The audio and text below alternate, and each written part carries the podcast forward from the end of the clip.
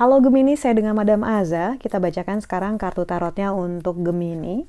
Yang pertama adalah untuk karir, bisnis, dan juga peruntungannya Gemini. Kartu yang keluar adalah Wheel of Fortune. Akan terjadi perubahan, ada hal yang berbeda gitu ya.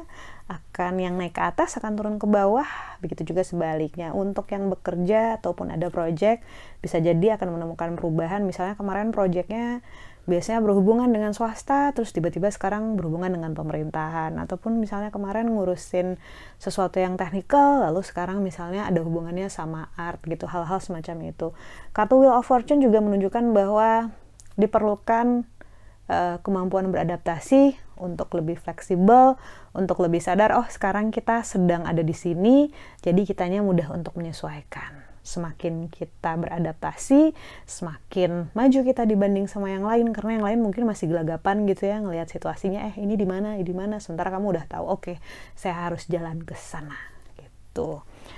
Lalu untuk percintaan ataupun relasinya Gemini, kartu yang diberikan adalah The Hangman. Aduh, sebagai Gemini saya ingin membanting kartu ini tapi apa daya ya, kartunya udah ditaruh nggak bisa dibanting lagi So, kartu The Hangman ini menunjukkan adanya masa-masa yang sulit, yang challenging ya. Orang digantung terbalik di bawah air, terikat, nggak bisa ngapa-ngapain, sudahlah digantung terbalik di bawah air pula gitu kan. Apa pula ini gitu.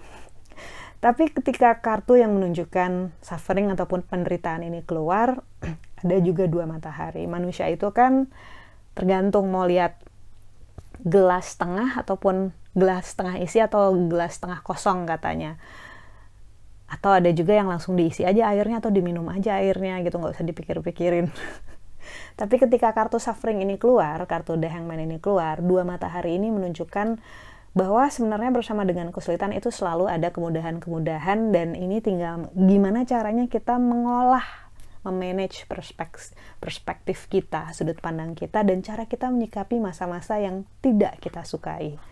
Jadi, fokus aja dulu sama hal-hal yang bagus, fokus aja sama hal yang bisa kita lakukan. Yang nggak bisa kita lakukan ya dibiarkan saja dijalani saja diterima saja. Dalam hal relasi uh, ini bisa jadi menunjukkan kekecewaan dengan pasangan ataupun calon pasangan.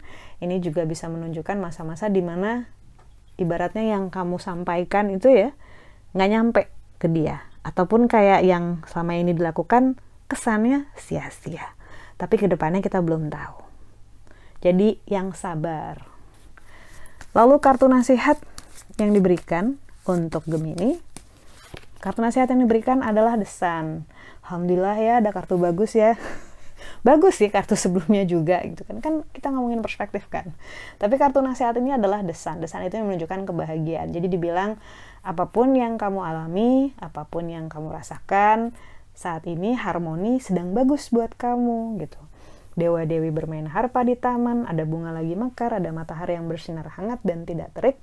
Kartu desangnya adalah representasi harmoni dan kebahagiaan. Happiness, ini kartu yang paling bagus, paling hangat di seluruh jajaran uh, kartu tarot yang saya gunakan, major arcana yang saya gunakan. Lalu kartu ini mengingatkan bahwa kita sering nggak sadar gitu bahwa segini tuh udah bagus banget loh sebenarnya dibanding sama yang lain atau dibanding yang kita yang kemarin-kemarin segini ini bukan perkara ngomongin Tuhan udah kita ngasih apa-apa gitu ya. Tapi tentang perkara kita sekarang sudah sampai di sini gitu. Segala usaha kamu segala uh, resilience yang kamu gitu daya tahan kamu segala semua yang udah kamu lakukan it's good enough gitu cukup bagus. Dan kalau dibilang berhasil kamu survive aja itu udah bagus itu udah berhasil gitu. Itu adalah hal yang patut dihargai dan kita uh, bilang terima kasih ke diri sendiri. Jadi kartu desain ini menunjukkan kebahagiaan yang berarti menunjukkan insya Allah bahwa akan sampai ke hal-hal yang baik yang sedang diupayakan. Namun belajar sabar. Kalau ada cobaan, jangan buru-buru marah, buru-buru ngeluh, nanti kaget dapat menderita terus tiba-tiba langsung dapat senang jadi malu kan gitu kan karena hidup itu kan cuman kayak roda naik turun naik turun makanya enak Sekian bacaannya, semoga bermanfaat. Kita doakan hanya yang terbaik saja untuk wahai Gemini. Semoga selalu sehat, panjang umur, kaya raya, bahagia, berkelimpahan segala hal yang baik dari Tuhan Yang Maha Esa.